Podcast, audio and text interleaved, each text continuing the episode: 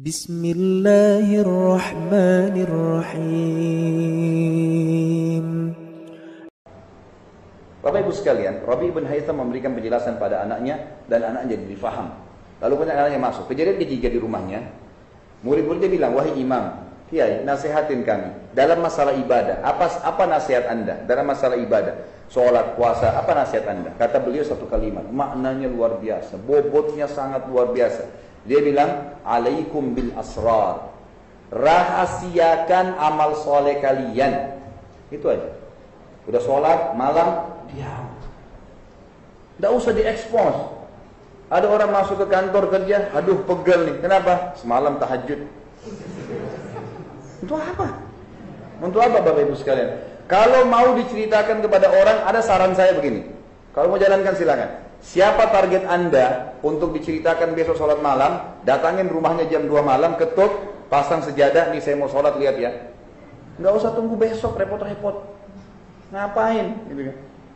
Rahasiakan. Kata Nabi Muhammad SAW dalam hadis riwayat Muslim, Inna Allah yuhibbut taqiyul ghani. Allah cinta dengan seorang hamba yang taki. Taki itu patuh sama Allah. Yang diperintahkan kerjakan, dilarang tinggalkan. Yang halal nikmatin, yang haram tinggalkan. Itu orang yang bertakwa.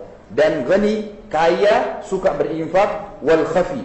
Dan suka menyembunyikan, merahasiakan amal soleh. Tolong perbaikin poin ini ya. Saya sering sebarkan di pengajian saya. Kalau mau umroh sama haji, nggak usah pakai alamat acara walimah safar.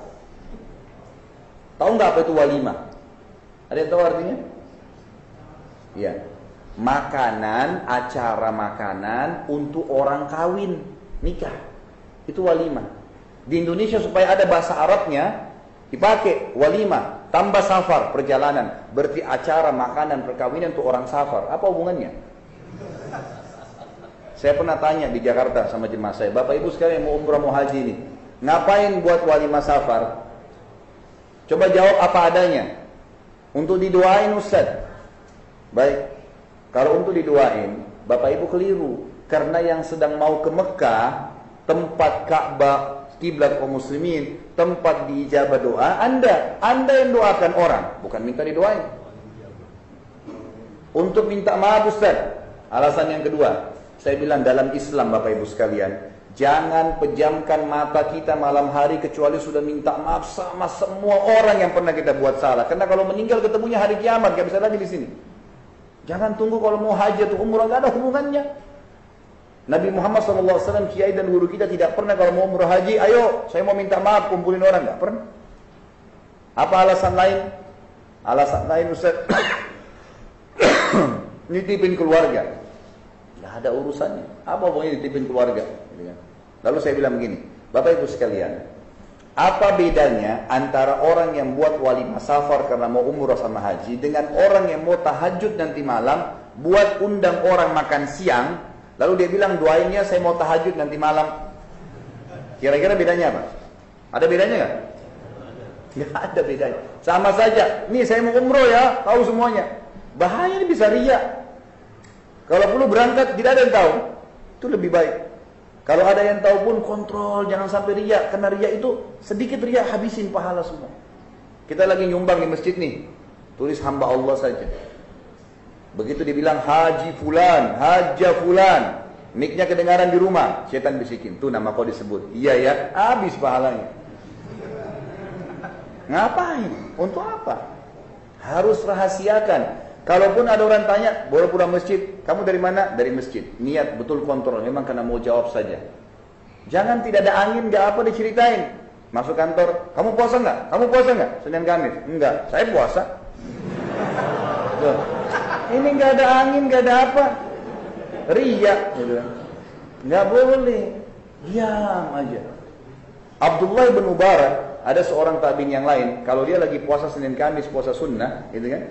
Bapak Ibu sekalian, kalau dia kebetulan ada tamu datang ke rumah, dihidangkan makan sama dia yang tidak puasa, lalu kemudian dia bilang, ayo ayo silakan silakan untuk untuk nunjukin kepada orang supaya tamunya mau makan, diambil sama dia dimasukkan di mulutnya terus seakan-akan dia ngunyah. Ayo ayo makan makan. Lalu dia ke belakang rumahnya dibuang. Tetap puasa. Ini enggak baru sedikit godaan haus nih setan bisikin minum aja nggak apa-apa kan puasa sunnah batal lagi Kendor. Ingat, ibadah yang kita kerjakan, Bapak Ibu sekalian ada dua kata kuncinya. Yang pertama, ya, yang pertama harus dipaksakan.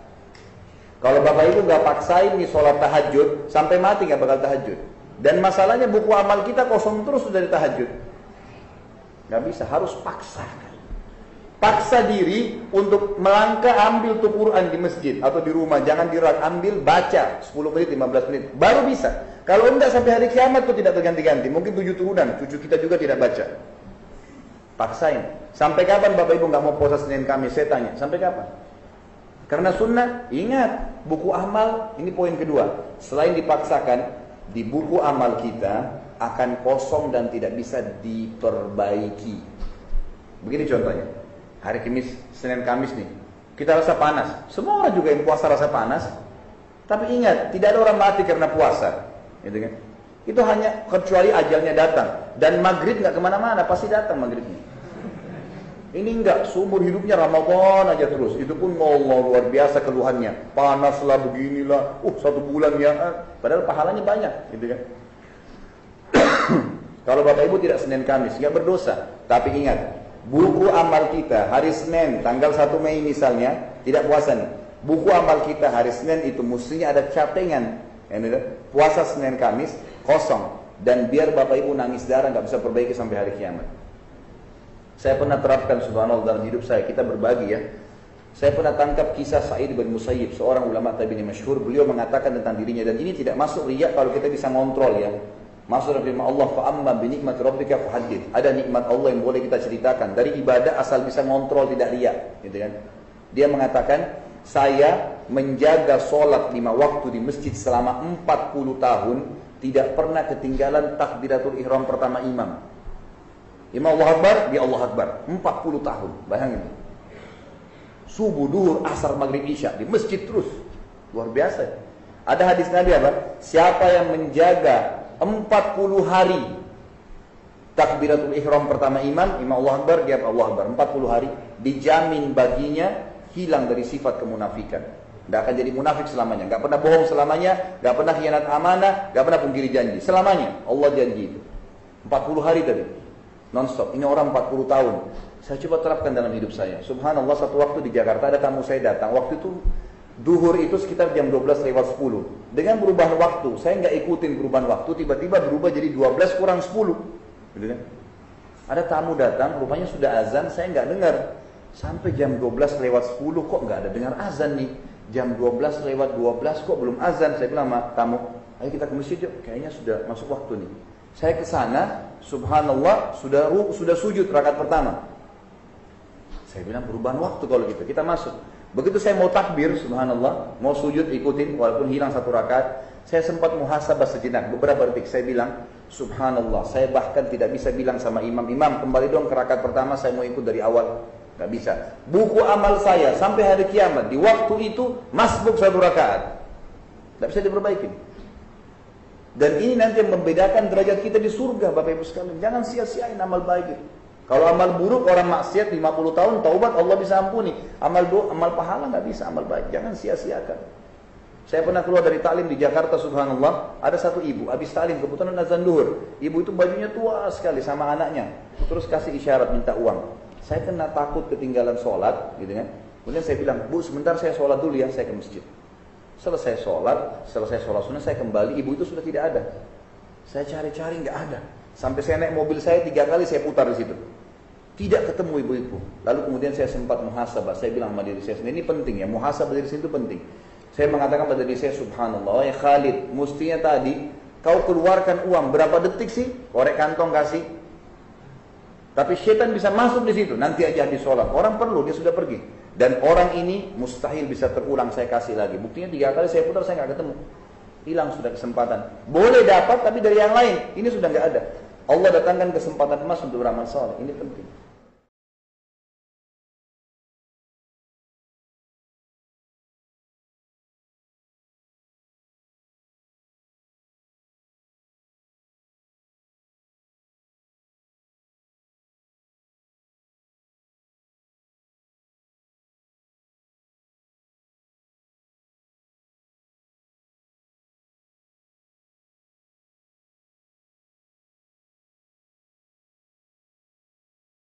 Assalamualaikum. Untuk pemesanan paket umroh murah bisa menghubungi 0821 4196 0857 Kami ulangi sekali lagi untuk pemesanan paket umroh murah bisa menghubungi 0821 4196 0857 Sekali lagi 0821 4196 0857 Terima kasih